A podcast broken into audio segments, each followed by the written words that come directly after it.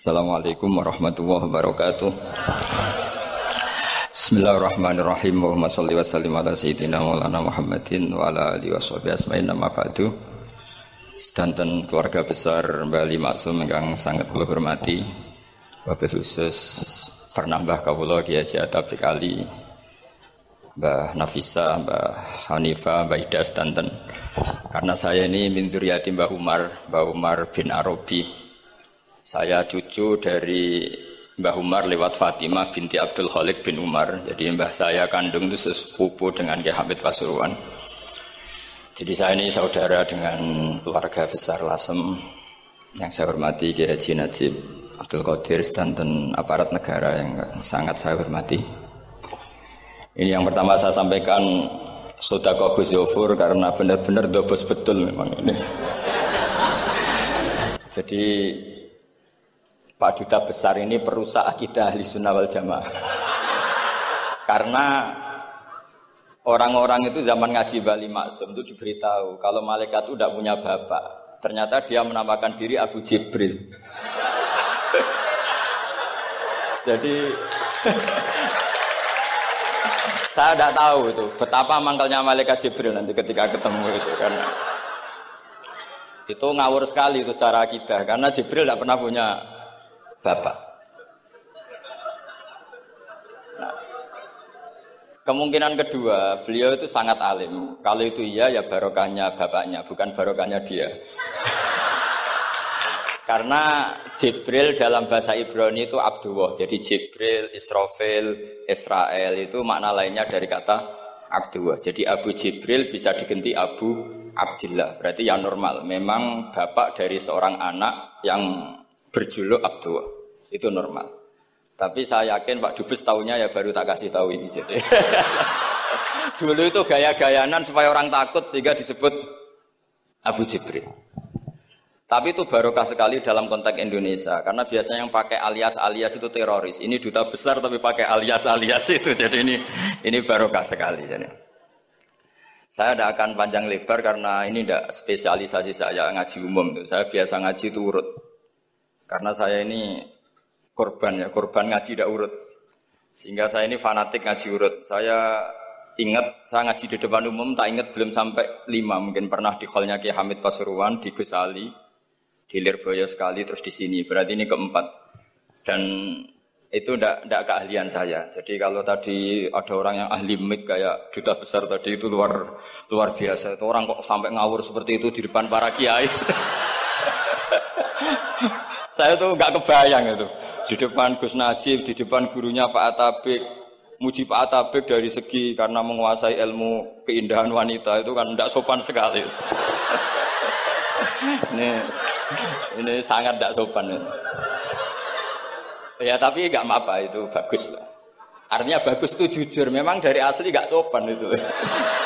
Jadi kalau pura-pura sopan malah nggak bagus itu. Jadi Ya kita ambil positifnya itu. Jadi kalau beliau tidak sopan itu orang yang jujur gitu. Tapi kalau beliau sopan malah aneh. Biasanya ada sopan kok. Sopan itu. Eh, teruskan dan tentu yang sangat saya hormati eh, mertua dari Gus Sofur, Pak Jirjis. Saya ini orang paling takut Pak Jirjis. Karena beliau dulu pernah ingin Gus Sofur di sini sebagai pengajar tafsir. Tapi diambil lagi oleh abahnya. Sehingga saya ini orang paling nggak siap ketemu Pak Jirjis. Karena proyeksi beliau itu akhirnya ya berhasil tapi di negara lain finahyatin ukhra yaitu sarang karena beliau inginnya sistem pengajaran tafsir besar di sini tapi akhirnya Mbah Mun menghendaki di sarang. Saya cerita sedikit tentang Bali Maksum dan Mbah Mun dan karena beliau juga teman Mbah kandung saya di Termas. Mbah saya kandung Mbah Sidik dulu ngajinya juga di Termas. Ki Hamid sepupu Mbah saya putri juga di Termas. Kata Mbah Mun tuh gini, Wong nak dia anak, jagone kok dibak wong repot. Dulu yang ma'ruf muridnya, murid sekaligus juga putra yang alim alamah memang Mbah Ali. Ketika di Kerapia, sehingga orang yang ingin alim ke Mbah Maksum itu ya ke Kerapia. Akhirnya Gus Mus beberapa kiai besar masuk Gus Dur ngajinya di Kerapia. Kiai Makhrus juga gitu. Dulu orang ingin alim tuh ke Gedungan karena Kiai Makhrus ke Lirboyo, semua orang Cirebon kalau ingin alim ke Lirboyo karena Gus Makhrus di Lirboyo. Saya menangi Kiai Alim Sedan itu dulu ngajinya di Jampes. di Kiai Marzuki. Ketika Kiai Marzuki jadi di Lirboyo, akhirnya ke Lirboyo. Kiai Hamid Pasuruan juga gitu. Pondok Fakhriyah dulu yang masyur bil wilayah wal alim ya Kiai Hamid. Tapi beliau di Pasuruan akhirnya yang ingin istifadah ke Pasuruan. Jadi intinya ini dengan tanda kutip pembajakan para gus-gus besar ini bahaya kan kira-kira gitu. Sehingga kiai-kiai alim itu terus kepikiran. Nah anakku itu manggon nunggu piye. Jadi termasuk itu ilmunya bapak saya sebetulnya. Saya ini kecelok mantu sido kiri. Kontrak pertama kata bapak, tapi oleh teng sido kiri gitu. kersane pondok kula mboten mati Jadi memang itu ada ilmunya. Saya tidak tahu itu uh, ilmu yang lazim apa enggak saya tidak tahu. Ketika saya ini tahadus bin saya ini lama sekali mengkaji kitabnya Mbak Ali Maksum Hujatu Ahli Sunnah wal Jamaah. Sebelum diundang dan saya tidak pernah bayangkan diundang di sini. Dan kalaupun pernah ya semoga benar-benar pernah tidak diulang lagi jadi hanya kenangan itu. Karena saya memang spesialisasinya di ngajar. Saya diminta Gus Afif ngajar di Mahat Ali, saya senang sekali. Tapi kalau pidato depan umum gini pasti kalah-kalah sudah punya gelar adobosi tadi itu wah gitu. pasti kalah saya, bukan mungkin kalah tapi pasti pasti kalah. Karena saya nggak bisa membayangkan jadi duta besar Arab Saudi ketemu Raja Salman apa beliau bisa cerita yang sair yang nggak jelas-jelas itu. Artinya kita bangsa Indonesia itu malu punya duta besar yang keahliannya sair-sair yang nggak jelas. nah itu kemungkinannya duta Arab ini nuruti kerajaan Arab nurutis nggak jelas turut mari repot gitu ya. Itu ada beberapa kemungkinan. Nah, terus pembelaan saya terhadap yang enggak makanya ini ngajinya harus hatam. Sebetulnya hadis itu ada terusannya. Itu di kitab uh, Firi Habillahil Haram. Itu Said Muhammad ngendikan babu istihbabi dukhulil bed, kemudian diteruskan babu karohati dukhulil bed. Itu dalam satu bab. Jadi ketika Rasulullah Fathu Makkah itu senang sekali. Sampai saking senangnya minta kunci sama Utsman bin Talha al-Hajabi itu. Akhirnya Nabi saking cerianya masuk Ka'bah. Tapi setelah keluar dari Ka'bah Nabi itu kelihatan tersiksa, hazinan, kelihatan tersiksa. Sayyidah Aisyah akhirnya tanya, kenapa engkau ketika masuk senang sekali, ketika keluar susah sekali? Kata Rasulullah Shallallahu Alaihi Wasallam, dan ini partai kita, partai yang insya Allah nggak akan masuk Ka'bah sampai mati. Kata Rasulullah, saya takut kalau itu dipandang umatku sebagai keharusan, terus mereka tersiksa kalau tidak bisa masuk Ka'bah. Sehingga Pak Dubes harus diketahui banyak juga ulama yang mengatakan masuk Ka'bah itu makruh. Karena karena takut dianggap sunnah yang memberat memberatkan. Itu ada kitabnya. Tidak adobo tidak, ini ada kitabnya. Jadi jadi kalau yang mengatakan sunat, dia monggo mawon yang berkesempatan lewat tadi siir-siir bohong tadi. ya monggo. Tapi yang meyakini atau yang ditekdir tidak bisa masuk pakai kaul yang mengatakan bahwa Rasulullah akhirnya hazinan. Akhirnya apa? Susah karena takut kalau umatnya menjadi tersiksa karena tidak bisa masuk apa? Ka'bah. Terus ini yang terakhir karena ini kenangan saya dengan Bali Masum. Saya menangi beliau itu kelas 4 SD ketika beliau ngisi di Bahamid. Bedowi. Mbah Hamid adalah satu-satunya santri yang sama Mbah Ali Maksum itu tidak bosok. Sama Mbah Ali Maksum itu tidak bosok. Ya mungkin Banser atau siapa yang bisa nolong. Uh, saya teruskan. Jadi uh, kenangan saya sama Bali Maksum ketika beliau di Lasem itu sampai Gusmus pernah ngendikan Kang Hamid, aku itu paling rata cocok sampean, ambek guru kok ora. Karena sama Bali Maksum itu udah boso. Terus kata kata Pak Hamid Bedawi, "Lah wong iku ponakanku," katanya. Jadi memang Kiai Hamid Bedawi itu di silsilah nasab Lasem itu paling sepuh. Karena Hamid itu langsung bin Bedawi. Nah, Mbak Bedawi itu punya Mbak Yu kandung namanya Maimunah. Itu yang dapat Mbak Umar. Umar melahirkan Abdullah, melahirkan Pak Hamid Pasuruan.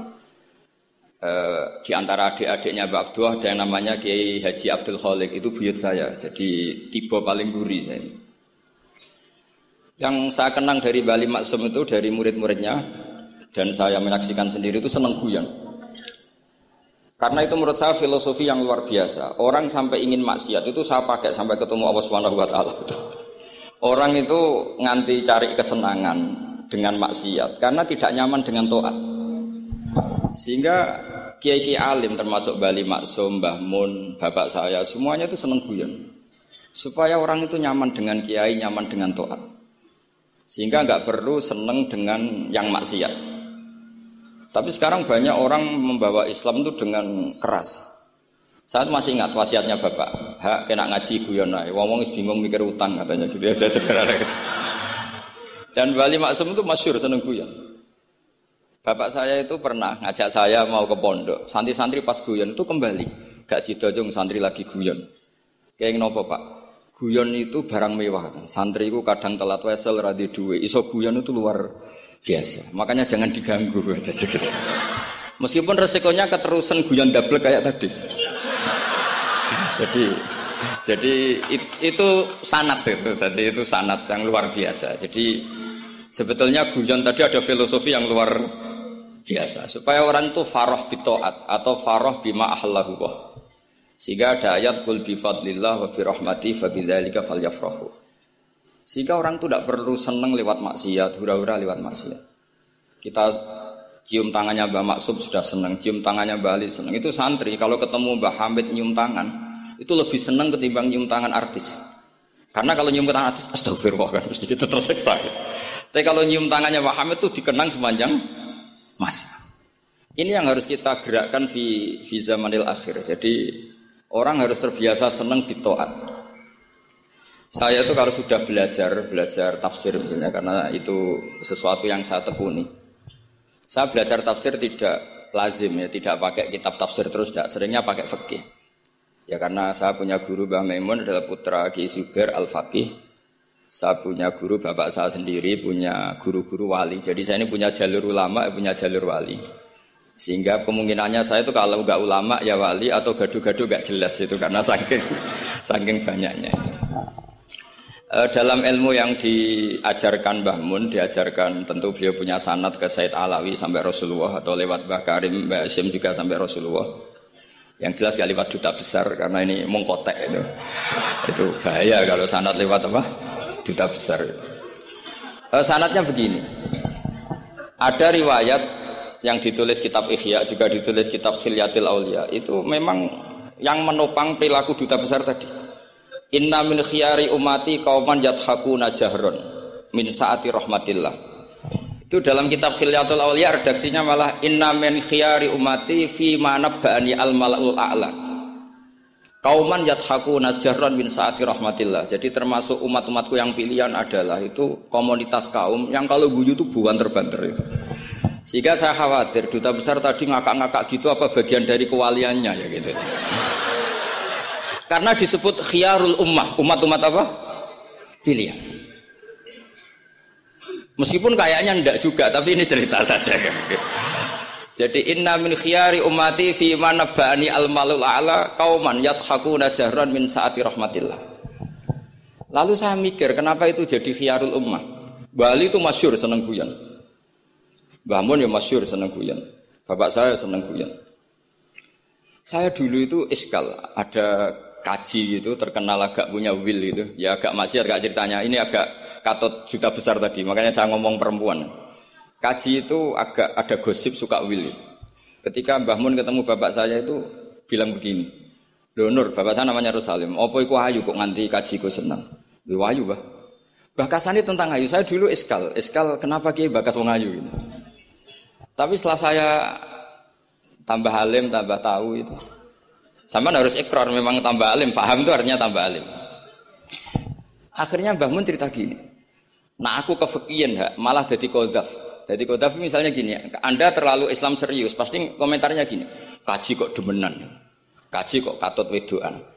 Eh, serius tapi akhirnya menabrak satu aturan yang dilarang Allah Subhanahu Wa Taala itu kalau kamu menuduh zina jadi kodaf, kalau kamu bilang kaji kok katut wedok jadi seuzan. Maka bahasan yang netral adalah lo ayu no kok nganti katut ya. Ayu bah, iya ya wajar, wong ya mesti katut wong ayu gitu. Itu filosofi. Jadi di balik guyon itu ada trik untuk menghindari ke fikih atau ke ketentuan fikih yang salah. Yaitu kalau kamu kejebak ekstrim, Kaji kok seneng wong ayu, kaji kok demenan. Maka berarti Anda kodaf. Kodaf itu menuduh orang lain yang nggak jelas apa buktinya. Maka guyon ini satu-satunya cara menghindari kesalahan yang lebih fatal. Sehingga di sini dibutuhkan kemampuan seni mengelola agama supaya agama ini tetap ceria. Saya berkali-kali cerita kalau ngaji, Imam Syafi'i itu kalau ditanya, diberitahu, orang yang nyium tangan jenengan, yang di depan jenengan itu hormat, itu di luar ngerasani jenengan, bully jenengan. Siapnya Imam Syafi'i itu tertawa-tawa. Baguslah, berarti saya wibawa. Di depan saya buktinya tidak berani. Kata. Jadi enteng saja. Dijawab enteng saja. Baguslah, berarti saya wibawa. Nyatanya di depan saya tidak berani. Tapi oh, banyak orang membenci jenengan karena fikih jenengan. Jawabnya Imam Syafi'i seneng lagi. Baguslah. Nah, nggak seneng saya pasti nggak pernah ngutang saya. Coba kalau kamu seneng juta besar itu pasti minta tolong mau masuk apa saja lah. Tapi kalau benci Pak Duta besar, pasti malu kan minta tolong. Untung mana kamu dibenci orang sama disenangi orang. Karena kalau dibenci orang, orang yang benci itu pasti tidak utang kamu, tidak ngerepoti kamu, tidak senang. Jadi Imam Syafi'i itu ngadepi dunia itu enteng saja diberitahu itu orang itu nggak suka kamu gini-gini. Ya bagus. Sehingga beliau ngendikan terkenal sekali. Waman asa ilaika fakot atlakoka. Orang yang berbuat buruk sama kamu berarti membebaskan kamu. Karena orang ini pasti gak akan ngerepoti kamu. Jadi ulama-ulama dulu ciri khasnya adalah arido anillah. Melihat apa saja itu sudah ridho. Dan ridho itu ekspresi paling gampang ya ceria, seneng. Nah kemudian tadi kan saya bilang terakhir ini yang paling terakhir saya baca trik menjaga perbedaan ini tetap kondusif. Saya neliti kitab Bali Maksum sampai hatam termasuk kitab yang saya letakkan di kamar khusus itu di antaranya ada kitabnya Bali Maksum Aduman Sulam Taufiknya Mbah Hamid yang karangan orang-orang Indonesia tentu terbanyak ya kitabnya Mbah Mun, Basibir. Bahkan saya masih punya catatan tangan uh, tulisannya Basim Asari karena beliau pernah nyurati buyut saya ketika khatam Sohai Muslim uh, yang keluarga Kudus. Terus banyak lah saya punya termasuk saya punya tulisan tangannya Kiai Fakih Mas Gumambang gurunya Mbah Zubir. Saya memang dokumenter kitab sehingga saya maaf sekali kalau pidato umum itu memang saya tidak keahlian saya. Karena itu harus dobes itu udah keahlian ulama, dobes itu udah keahlian ulama. ini saya baca singkat, tapi semoga ini barokah karena ini kholnya Bali Maksum. Semua mubalek tadi pakai catatannya sendiri, jadi itu ngekholi dirinya sendiri. Ini saya pakai orisinil kitabnya Bali Maksum. Jadi saya mungkin penceramah terbaik karena sesuai konteksnya itu. Nah ini enggak, ini halnya Bali Maksum cerita sairnya sendiri tentang rokok lagi. Bolot lagi. Yes. Ya semoga diampuni oleh Allah Subhanahu wa taala. Ini ngendikane beliau tentang meminimalkan konflik. Ini saya baca di bab Al-Mithalul Awal. Jawazu hibati thawabil qiraah wa sadaqah lil mayyit wa wusuli thawabil qiraah wa a'malil birril mayyit. Eh, kita berkeyakinan bahwa yasinan tahlilan itu sampai ke mayit. Itu boleh kita hadiahkan dan sampai ke mayit. Kata Bali Maksum, wa wa min masa ilil furu al khilafiyah.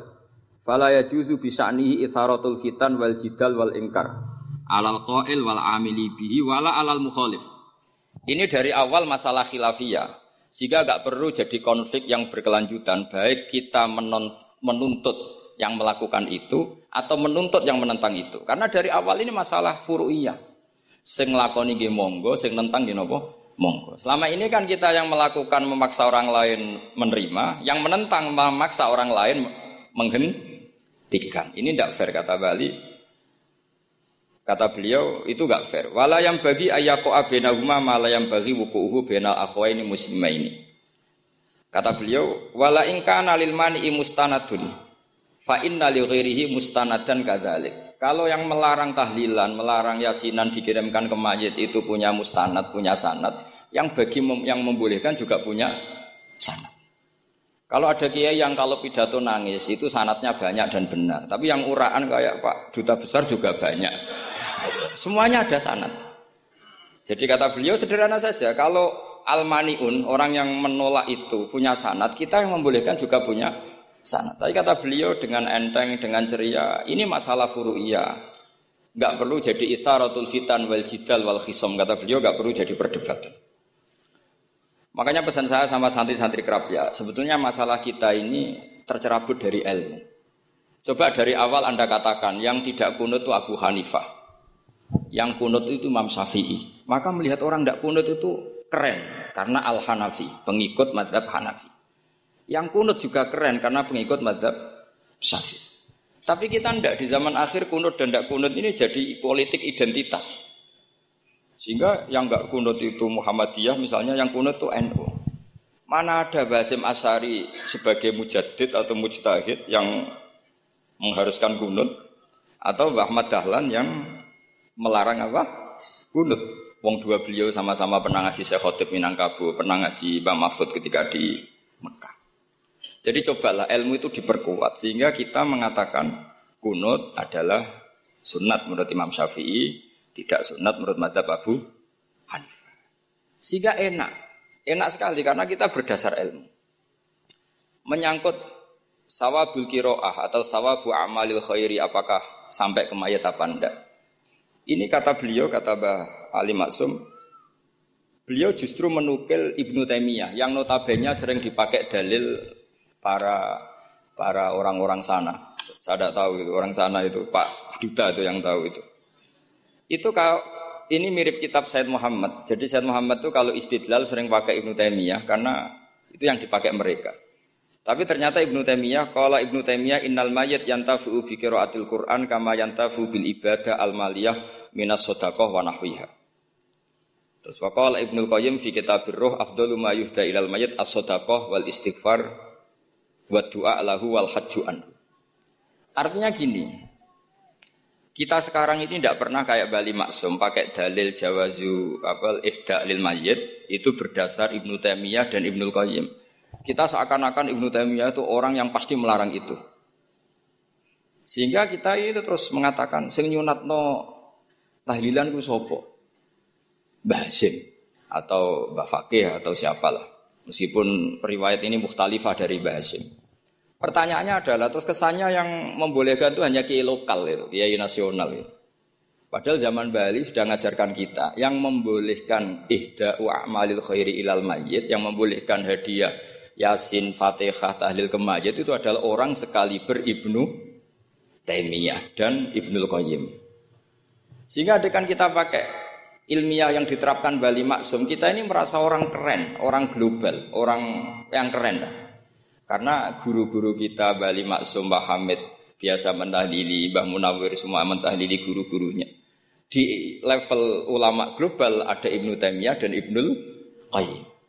Tapi karena kita tidak baca, seakan-akan tahlilan itu hanya tradisi lokal yang tidak di ACC, tidak disetujui ulama kelas internasional. Padahal di sini jelas diceritakan Ibnu Taimiyah berpendapat kiro atul Quran yang dihadiahkan ke mayit atau tahlil itu boleh. Jadi ini sangat penting supaya orang itu pakai tradisi ilmu. Saya pernah ngaji sama Mbak Mun diberitahu, kalaupun Rasulullah pernah kunut sekali, biasanya perdebatan kan, oke okay, Rasulullah pernah kunut tapi ahyanan. Pertanyaannya adalah, setiap Nabi pernah melakukan sesuatu itu akan menjadi sunatan mutabaah apa enggak? Tentu jawabannya iya.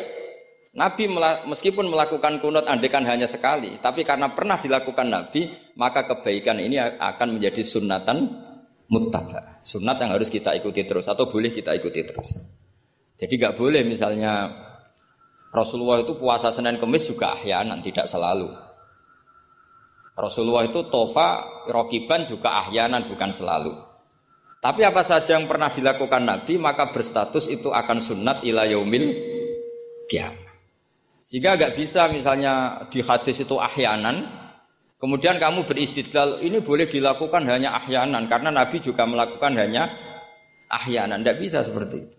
Sekali Nabi pernah melakukan itu dan tidak dibatalkan lewat nasah mansuh, maka kesunatan itu ilah yaumil kiamat. Sehingga Imam Syafi'i cara berpikir meskipun Nabi kunut ahyanan, kalaupun itu ahyanan tentu tentu kunut itu akan sunat ilah yaumil bagi yang tidak mensunatkan ya monggo itu ada Abu Hanifah.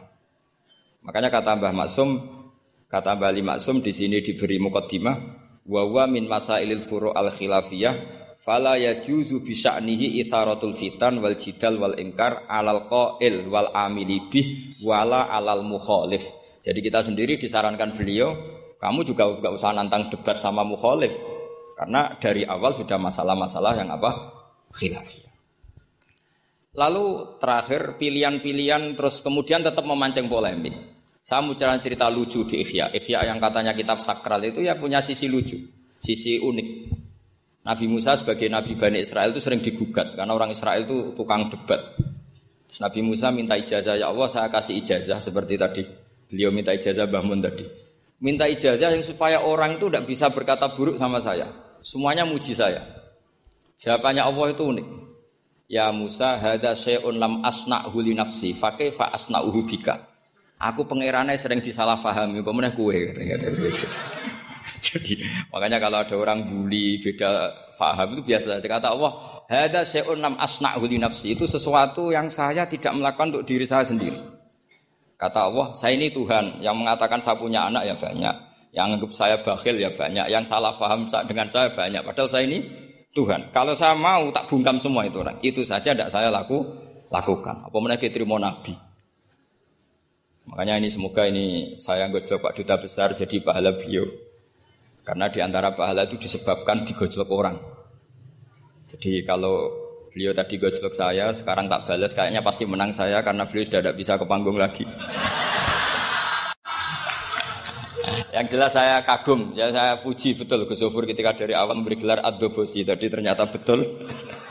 Tapi saya pastikan itu ada sanatnya yaitu inna min khiyari ummati fi ma nabba'ani al malul a'la qauman yadhakuna jarron min saati rahmatillah. Jadi di antara umat Allah yang pilihan adalah umatku yang kalau umatnya Rasulullah tentu yang kalau terbanter-banter karena min saati rahmatillah. Saya bayangkan kalau saya di rumah Pak Dubes dikasih makan gratis, dikasih minum gratis, kemudian di rumah itu saya merengut saja itu kan kurang syukur. Wis ora bayar kok merengut gitu. Sama kita pakai buminya Allah, pakai airnya Allah, pakai oksigennya Allah. Modal guyu ya ora gelemen merengut begitu. Itu kalau Allah tersinggung pasti Allah ngendikal falyatu probban siwa iwal yakhruj min tahti ardi wasama. Istilahkan mencari Tuhan selain saya kata Allah dan keluarlah dari langit saya dari bumi saya. Daripada diusir pangeran wis ning donya ceria wae, guya-guyu wae, sementing aja dhewean apa guyu ngoten mawon. Assalamualaikum warahmatullahi wabarakatuh.